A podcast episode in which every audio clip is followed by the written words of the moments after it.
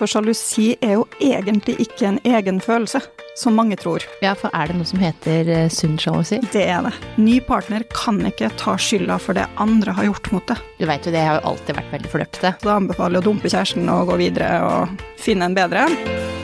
Klimaks får du av nytelse.no. Sexleketøy på nett. Velkommen tilbake til meg, Tone Haldorsen. Takk. Du er sexolog og parterapeut. Og vi skal snakke om eh, noe som jeg føler er veldig i vinden om dagen. Eh, nemlig sjalusi. Altså det har jo alltid vært eh, en greie, men nå, i starten av det året som har vært nå, så har det vært mye Altså når sjalusi går for langt. Eh, så jeg vil liksom starte med å spørre deg, hva er egentlig sjalusi? Sjalusi er jo en kombinasjon av mange ting, for sjalusi er jo egentlig ikke en egen følelse, som mange tror. Klimaks får du av nytelse.no. Akkurat nå får du 20% avslag om du bruker rabattkoden KLIMAKS neste gang du handler. Men det er jo veldig smertefullt å være sjalusi. Mm. Så det er en kombinasjon av usikkerhet, utrygghet, lavt selvverd, lav selvsikkerhet, og den der nå frykten for at partner skal gå fra, eller finne noen andre, eller at man ikke skal være god nok, det er jo sjalusi. Og så blir det litt det grønnøyde monsteret, som man kaller det, som gjør at det sperrer for fornuft. da. Mm. Så man mister rett og slett sunn fornuft oppi det hele. Mm. Men eh, hva er det som gjør at man eh, blir sjalu? Det kan være så mange grunner, men det vi ser på særlig parforhold, så er det jo da usikkerheten og frykten for å miste. Det at man tror at man ikke er god nok i forholdet, eller at man føler at man henger litt sånn på, på hengende håret, at noen kan komme og ta plassen din, eller noen andre er bedre. Og så er det noen ganger at den sjalusien da tar over og blir hovedmomentumet da, i parforholdet. Mm. Men eh, er det sånn at um, man kan jo være sjalu i ett forhold, men et annet forhold man al altså, har ikke kjent på sjalusi? Og det kan ha mange grunner. Det kan ha med hvor mye man føler i parforholdet. Eh, Hvis du har en sånn intens forelskelse eller kjærlighet for den partneren der du var sjalu, og ikke er så sjalu i neste forhold, så kan det være at du ikke har like sterke følelser, eller at du var veldig utrygg i det forholdet der du var sjalu, og der du er kjempetrygg i det forholdet du er nå. Men i de tryggeste forholdene så kan det fortsatt oppstå sjalusi. Så det er jo forskjell på usunn sjalusi og sunn sjalusi. Ja, for er det noe som heter eh, sunn sjalusi? Det er det. Ja. For man tenker jo med en gang man hører ordet sjalusi, så tenker man at det er farlig, det er negativt, det er liksom det skumle. Men sunn sjalusi, det er jo den at du veit at du har lyst til å være sammen med partneren din. ja. Det her er et menneske du er redd for å miste, og så lenge sjalusien ikke tar over, og man greier å snakke om det, så er det ikke farlig sjalusi.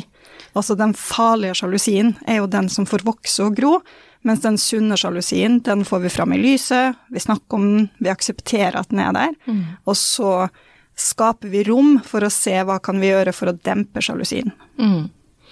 For det er jo, det er jo sånn at eh, det er jo noen eh, episoder som kan liksom trigge mer enn andre. Eh, hvem episoder liksom, Du snakker jo med mange par, og jeg er sikker på at sjalusi også kommer opp ganske mye. Hva slags liksom, episoder er det som kan trigge en som har liksom, litt underliggende usikkerhet, er kanskje ikke helt trygg i forholdet? Hva slags episoder kan trigge da? Det kan være når man er på byen sammen, og partner eh, kjøper en drink i baren, og så begynner å snakke med noen ved siden av seg, eh, særlig av motsatt kjønn. Eller hvis eh, partner sitter mye på telefonen. Mm. Og så er det jo også dessverre det at mange forblir på Tinder sjøl om de har fått seg kjæreste. At de ikke sletter Tinder-appen eller Happen eller de date-appene. Og sjøl om de da sier til partner at ja, men vi bruker det ikke, den er der bare. Eller som et par sa, jeg, eller en, en i parterapi sa i forrige uke, at eh, men jeg har fått så mange gode venninner der som jeg ikke har lyst til å bryte kontakten med. Ja. Eh, og da blir det litt den usikkerheten hos partner. Og så blir det sånn, ja men hvis du har blitt så gode venner med dem, hvorfor er dere ikke venner på Facebook istedenfor? Hvorfor ha Tinder gående? Eh, så blir det den usikkerheten. Så det er jo sånne episoder som vi ser er sånn gjentagende. Men så kan det også være det at man begynner å bli litt mer borte på jobb, at man ser endra atferd, kanskje man ikke har så mye sex lenger, kanskje man ikke tar så mye på hverandre lenger. Særlig sånn småbarnsfase og sånn, og da kan sjalusien komme krypende og tenke hva er det som skjer? Er det i som ikke er bra nok lenger? Mm. Men hva er forskjellen på eh, og det ville ha kontroll, da? Det å ha kontrollbehov, det er jo at man vil bestemme. Man bestemmer hvilken venn av partner skal ha, hvor man kan dra hen, kan man dra på byen alene, hvilken jobb kan partner ha, eh, hvilken kontakt kan man ha med kollegaer, hva har partner på seg? Altså man har veldig sterke meninger om partners utseende og hvordan man framstiller seg i samfunnet, mm. Og hvilken venner de har og sånn. Det er kontroll. For mm. det går ikke på sjalusi. Men hvis man er sjalu, så kan man spørre litt sånn 'Å, hvem var du sammen med på byen', da? Mm. Det er ikke nødvendigvis at man vil ha kontroll, men at man vil vite. Bare vite litt. Mm. Man vil ha litt informasjon. Ja, og det er jo um, en, liksom, en viktig ting. For at det, hvis man er usikker, så er det jo også en Altså, det er, ikke, det er jo ikke farlig å være usikker. Det er jo, ikke, det er jo bare å være ærlig på. Jeg blir usikker når du skal ut alene. Mm. Uh, vil gjerne vite liksom jeg skal ikke vite alt hvor det har gått og hvert skritt du har gjort, men, men liksom vite noen ting. Det er fint hvis du liksom forteller meg om den dagen, så ikke jeg hører det plutselig Å, jeg møtte den uh, på byen, og den var jo helt oppå en annen. Altså du hører de historiene istedenfor at du vet den allerede, den har uh, allerede partneren din fortalt. Nytelse.no. Ja, jeg møtte Stine, hvis vi kaller det det. Um, og sto og prata litt med henne. Sånn at man liksom vet disse historiene, så ikke man blir usikker, altså blir enda mer usikker. Ja, og så er det jo den klassiske feilen at man for å unngå å såre partner, kanskje man vet at partner er litt usikker og sjalu, så kommer man opp med en tryggere historie om mm. hva man skal, at man skal ut med noen kompiser eller venninner, og så har man egentlig dratt på fest med noen kollegaer eller som partner veit er litt flørtete, og mm. At det er en mer usikker situasjon som partner reagerer litt på, da. Mm. Så har man dekt over det, og så får partner vite at det var en løgn inne i bildet. Ja, da blir man enda mer usikker. Så blir man enda mer usikker, og så trigger den sånn Hvorfor kunne du ikke bare være ærlig? Ja. Så det blir jo en ond sirkel, og der er jo sjalusi veldig framtredende. Ja, og det er jo lettere å forholde seg til eh, det som faktisk har skjedd, da. Mm. Uansett om det hadde vært utroskap, som det hadde endt med også, mm. Eh, så er det lettere å forholde seg til enn at man ikke vet. Ja, for det er mange par som sier i parterapi eh, at, eller partner som har opplevd utroskap, f.eks., så sier de det at men jeg skulle ønske du ikke løy, eller holdt det hemmelig. Mm. Og sånn er det jo med sjalusi også. Sånn er det med den usikkerheten. At jo mer informasjon man har, jo mer kan man prosessere det og jobbe med det og tenke ok, hvilken triggerpunkter er det jeg kjenner på her. Mm. For for å bli kvitt sjalusi, så må man jo jobbe med triggerpunktene sine. Mm. Partner kan ikke gjøre så veldig mye for at du ikke skal være sjalu, hvis man oppføres ordentlig og ikke aktivt flørter med andre og ikke aktivt skaper sjalusisituasjoner. Så må man jobbe med sjalusi i seg sjøl. Mm. Men det kan jo også være sånn at man har opplevd sjalusi tidligere og drar det med seg. Absolutt. Eh, og da har jo også, også Man må, må, jo være veldig åpen med hverandre og si at eh, vet du hva, det her er en situasjon som jeg syns er vanskelig, for den har, har jeg blitt lyvd for flere ganger tidligere, f.eks. Mm. Eh, så det, liksom, man må også være åpen med hva man trenger, og så må partner også kunne møte litt på halvveien med hva liksom Ikke for å kontrollere, men bare vet du hva, jeg trenger at du sier at det, et eller annet, da. Ikke sant? Enten at jeg er ute og koser meg, håper du, håper du har det bra der du er, bla, bla, bla. Jeg tror det viktigste er at man kan flytte på seg i forholdet. Mm. At det man sier i starten av forholdet, kanskje ikke gjelder resten av forholdet, men at man også kan fire på kravene og vokse og gro. Og det å tilpasses også, da. Mm. Eh, også jeg personlig har opplevd sterk sjalusi i tidligere forhold fordi at den både har trigga sjalusi med vilje og har mm. skapt sånne sjalusisituasjoner som har økt sjalusien. Ja, for det også er jo eh, Det er jo veldig mange forhold som har det. Ja, og det er forferdelig. At, den ender er med vilje, ikke sant. For at det, ha-ha, bare så du veit det. At man gjør en del sånne ting bare for å få fram litt følelser.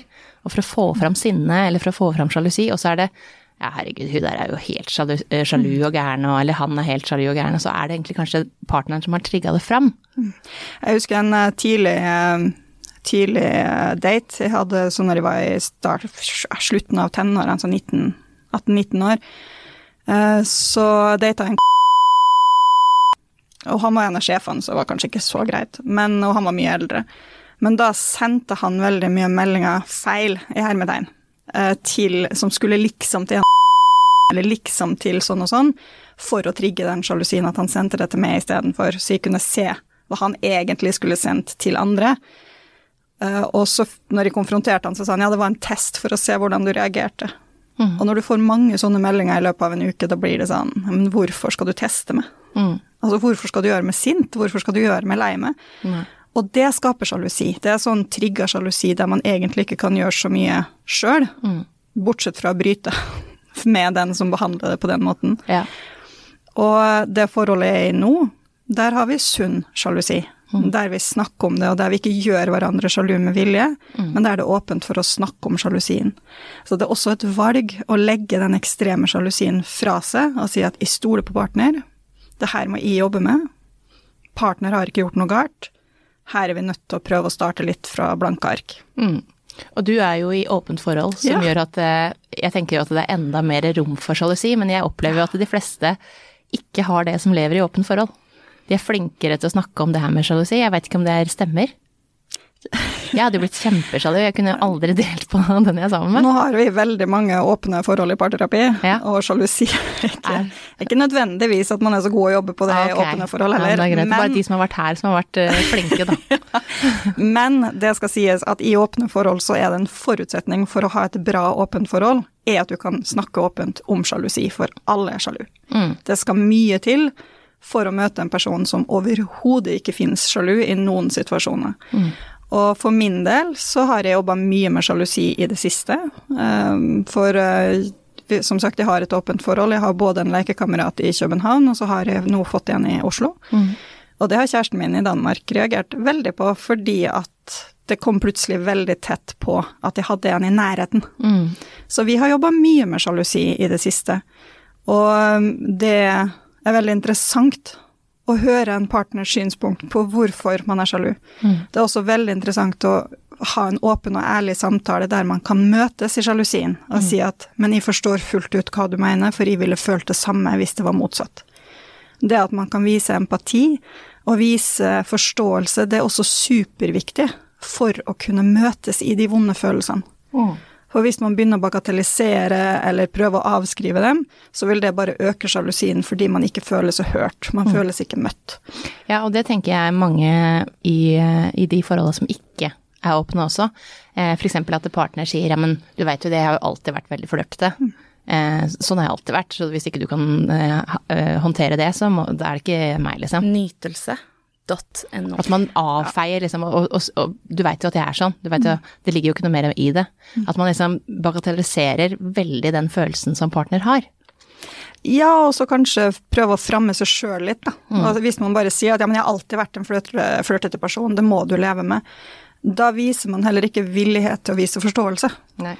For det betyr jo ikke nødvendigvis at man skal legge fra seg den sida, men å spørre partner hva kan jeg gjøre for at du skal få det bedre, for jeg kan ikke endre på den sida her av meg, men hva vil gjøre situasjonen bedre for din del? Og det spurte jo også partneren min om, for han lekekameraten min her i Oslo, han er jo i et uh, forhold. Han har kjæreste, mm. de er i et åpent forhold. Og kjæresten uh, har jeg også et godt forhold til. Hun er superfin. Og um, det da å, å si til kjæresten min som bor i Danmark at ok, men hva kan gjøre situasjonen lettere for det? For jeg er ikke villig til å gi fra meg det her. Eh, Jeg vil velge partneren min over alle, så hvis de må ofre lekekamerater, så gjør jeg det. Men hva kan du fortelle meg om sjalusien din, som du trenger for at du skal få det lettere? Hva kan jeg bidra med?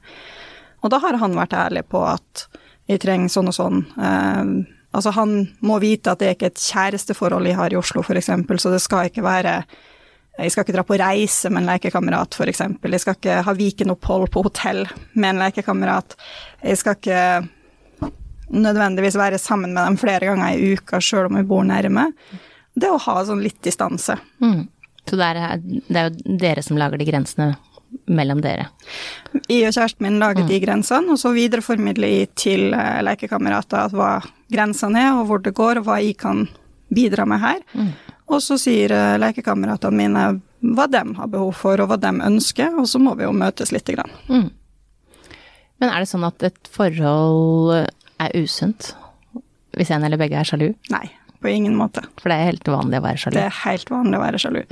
Altså, jeg og kjæresten min, vi er begge sjalu på en sunn måte, som sagt, og vi, det er det tryggeste og beste forholdet jeg har vært i noen gang. Jeg ser det også med flere av klientene mine, der sjalusi er til stede, men det er ikke en issue. Da.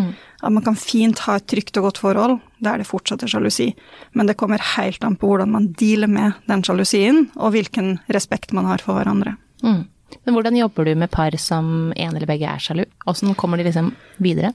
Vi går jo inn i grunnkjernen i hvorfor det er sjalusi. Hva er det par har opplevd tidligere, hvilken historie har hver av dem, eh, hvilken oppførsel har hver av dem i parforholdet, hva er det den som er sjalu har behov for for å føle seg tryggere, hva er den egentlig redd for? Altså, hva er frykten bak? Mm. Så vi går egentlig inn i grunnkjernen på følelser, så går vi inn i tilknytningsteori, og så går vi inn i hvordan vi ser på dynamikken dem to imellom, hvordan kommunikasjonen er, og så går vi sakte, men sikkert opp og finner et sted der man fortsatt kan være sjalu, men på en trygg måte. Mm. Men eh, hvem sitt ansvar er det å bli kvitt eh, sjalusien, da? Det er jo litt todelt. Som sagt, hvis partner aktivt prøver å få partner sjalu, mm. så er det jo der problemet ligger. Mm. Og da er det jo egentlig ingenting man kan gjøre for å jobbe med seg sjøl, bortsett fra å dumpe den som skader det. Mm. Eh, for det å aktivt prøve å gjøre partneren sjalu, det vil jo gå under misbruk. Mm. Det er ikke bra oppførsel i det hele tatt, så da anbefaler jeg å dumpe kjæresten og gå videre og finne en bedre en. Mm. Eh, hvis partner ikke er en eh, drittsekk, så um, jobb med det sjøl. Mm. Kom det i egen terapi, snakk med en sexolog eller en psykolog, alt ettersom hva man føler man har behov for, mm. og jobb med de indre smertene som skaper sjalusien. Mm. Eh, hvis man har opplevd utroskap eh, og derfor sliter med å stole på noen eh, Man drar det jo gjerne med seg, ikke sant, som jeg sa tidligere. Hvordan klarer man å unngå å liksom skade neste forhold med den For man har jo en bagasje. Åssen klarer man liksom å Skal man legge fra seg det før man går inn i et nytt forhold, eller kan man liksom For veldig mange drar det jo med seg. Altså, utroskap oppleves jo som et traume. Mm. Man sier jo det at man behandler de som har opplevd eh, utroskap, behandler man på samme måte som de som har PTSD. Mm. For de, har, de, som har opplevd utroskap, de har de samme symptomene på PTSD, mm. ofte. Så derfor så er det jo terapi som er tingen å starte med, og det bør man gjøre før man går inn i et nytt forhold. Og så bør man allerede i starten av et forhold gå i parterapi, sånn at man får skape et godt grunnlag. For man må også velge aktivt å stole på en ny partner. Mm. Ny partner kan ikke ta skylda for det andre har gjort mot det. Så det at du har opplevd utroskap i et forhold, er jo forferdelig. Mm. Det er mange som ser på det som noe av det verste de kan oppleve i et forhold. Mm. Eh, foran det at partneren dør, nesten. Altså, ja. det er lettere å Det er lettere å håndtere dødsfall enn utroskap, faktisk. Mm. Og det er litt det der å si at ok, andre personer har vært skikkelig kjipe, men jeg ønsker et forhold med den personen her, for han virker, eller hun virker snill og grei. Vi gir det en sjanse. Da må du aktivt velge tillit. Mm. Men for å kunne velge tillit, må du jobbe med det sjøl. Mm. Hvis man da ikke har gått i den terapien først, da, før man går inn i forhold, er det noe eh, hvis man blir sammen med noen som man merker at ok, du har med deg litt, i, litt mer i sekken din enn de fleste. Er det noe man som partner kan gjøre? Lytte. Prøve å forstå, ikke bagatellisere. Eh, ikke prøve å løse problemet. Mm. For det er særlig menn, da, nå generaliserer jeg veldig, men særlig menn har en sånn fiksegen. De skal fikse ting. Så når en kvinne kommer med utroskapsbagasje eller voldsbagasje eller hvilken som helst bagasje, så har menn ofte en tendens til å prøve å fikse det. Finne en løsning. Og det er ikke det partner har behov for. Partner har behov for å fortelle sin historie, og så få en bekreftelse på at du ikke har tenkt å gjøre det samme. Mm. Nytelse.no. Og det, det, er litt der folk ser etter når de deler vonde ting, da. Mm. Så prøver de å si det her er det jeg har opplevd. Det var helt jævlig. Det var helt jævlig. Mm. Ikke gjør det mot meg. Mm. Vær bedre. Ja. Sant? Og så er det det, eh, den som har opplevd utroskapen sitt ansvar, å mm. også åpne opp for tillit på nytt. Helt klart. Men så er det jo også da begges eh, ansvar å ikke være utro i forholdet. Ja. Og utroskap har vi jo flere episoder med, men, eh, og det er jo individuelt hva man tenker på som utroskap, og ser på som utroskap. Eh, og at det selvfølgelig oppleves eh, på mange måter lettere nå, i og med at det er såpass mye mikroutroskap med telefonen. Eh, og det er lett å bli sjalu mer enn når man er på byen hver for seg. Mm. Eh, fordi at det er hver dag, da. eh, så man ser at den andre sitter og scroller, sitter og chatter, vet ikke hva Det bør ikke være noen ting, ikke sant? Men hvis man da har den i bagasjen sin, da, at man Det var sånn partner var utro, den forrige partner var utro, så er det liksom det da å stå i det hver dag, da, som kan være kjøpt. Men det jeg ser øker mest av sjalusi, det er retroaktiv sjalusi. Ok, hva er det? Det er at man er sjalu på partners fortid. Ja. Og særlig mm, Altså, jeg har ikke en eneste kvinnelig klient i terapi for retroaktiv sjalusi, jeg har bare menn. ja som eh, er sjalu på tidligere partnere. Ja, rett og slett. De er sjalu på partneren sin nåværende partners tidligere sexliv, eller tidligere partnere, eller tidligere historie, da.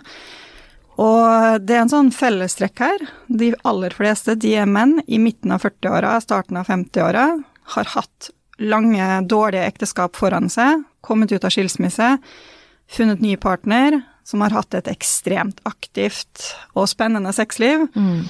Men det som er interessant, da, det er at de kvinnene som har hatt det spennende og aktive sexlivet, de har egentlig veldig dårlig erfaring med å ha det sexlivet. Så de ønsker et trygt og rolig sexliv, og så vil da de mannlige partnerne oppleve litt av den spenninga som sine nåværende partnere opplever, og så blir de sjalu på alt det de sjøl ikke har opplevd. Mm. Men det kan også være yngre menn som kommer med det. Men det er utrolig fascinerende fenomen. For vi kan jo ikke endre fortida til partneren. Vi kan ikke gå tilbake i tid og droppe de sexpartnerne og den dårlige sexen man kanskje skulle ønske man ikke hadde. Men så skal det ødelegge nåværende forhold, fordi den ene ikke greier å akseptere partners Hva som fortid. Ja, og det må man jo akseptere. Og så er det jo også selvfølgelig der hvordan forhold er det med de nå? Eh, hvis det er et forhold som folk eh, som henne møter eh, jevnlig, så kan det jo sikkert føles veldig sånn som en trussel for de eh, mennene, men eh, Eller ikke. For det interessante er at eh, de kvinnene har ikke kontakt med de personene de har hatt sex med. Nei. Altså det, det, Så det er bare ikke noe, men fortsatt. det er ikke noe, men fortsatt. Så det er et fenomen jeg som fagperson prøver å forstå, men som jeg syns er veldig vanskelig å jobbe med, nettopp fordi at fortida skal jo ikke ha noe å si, Nei. samtidig som at man ikke kan endre den. Og da vil jeg som terapeut se på hva er det som skjer her? Så vi ser jo på de nevrologiske prosessene og det kognitive i det, og jobber jo med å få kontroll på de tankene. Men det er fascinerende sjalusitype å jobbe med, altså. Mm. Og vi ser at den er stadig i vekst. Det blir flere og flere.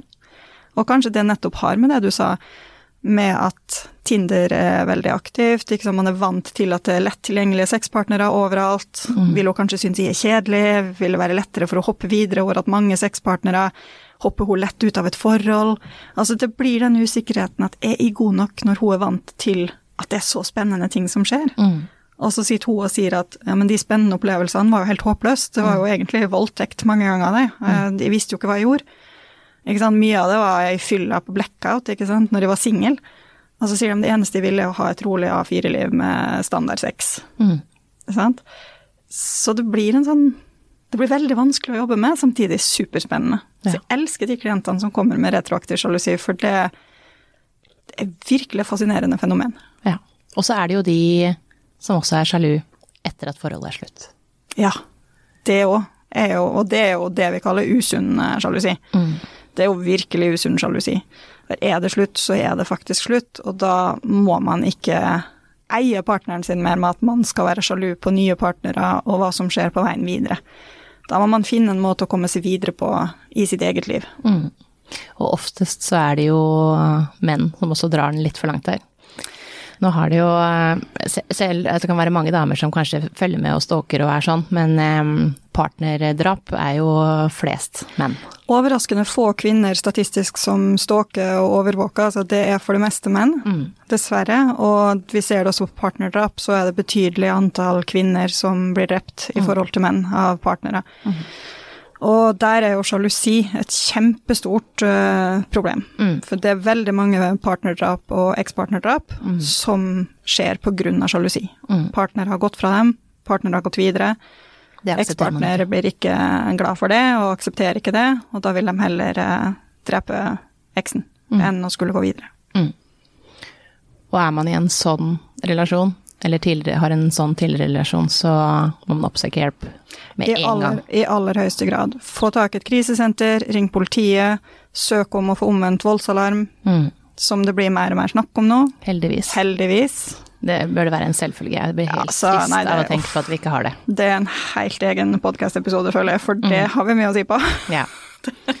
Så oppsøk hjelp eh, om man er i et såpass usunt eh, forhold, eller ja, tidligere vi, relasjon. vi snakka også om det med kontroll i sted. Er du i et veldig kontrollerende forhold, så kom det ut, fordi det skaper ofte veldig farlige situasjoner, Mm. og det er ofte der eh, partnerdrap skjer.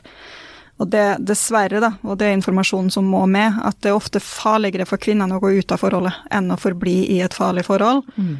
Men man er nødt til å komme seg ut, så man er nødt til å oppsøke hjelp, enten på krisesenter eller ved politiet. Man kan også ringe voldslinjen for å få hjelp og råd for å se hvordan kan man komme seg ut. Mm. Og for de som eh, er midt oppi det, så syns jeg de skal gå tilbake også og høre på episoden med Kine. Som, eh, som vi snakker om nettopp det som har vært i et sånt type forhold. Og eh, det, er en, det er en alvorlig historie som hun har. Så da skal man høre på den, og også hvor man får hjelp. Veldig bra. Tusen takk for at du kom og snakka om eh, sjalusi. Det er mange former for sjalusi, og noen er helt greit å ha, og andre må vi jobbe med. Takk for at du fikk komme. Klimaks får du av nytelse.no. Sexleketøy på nett.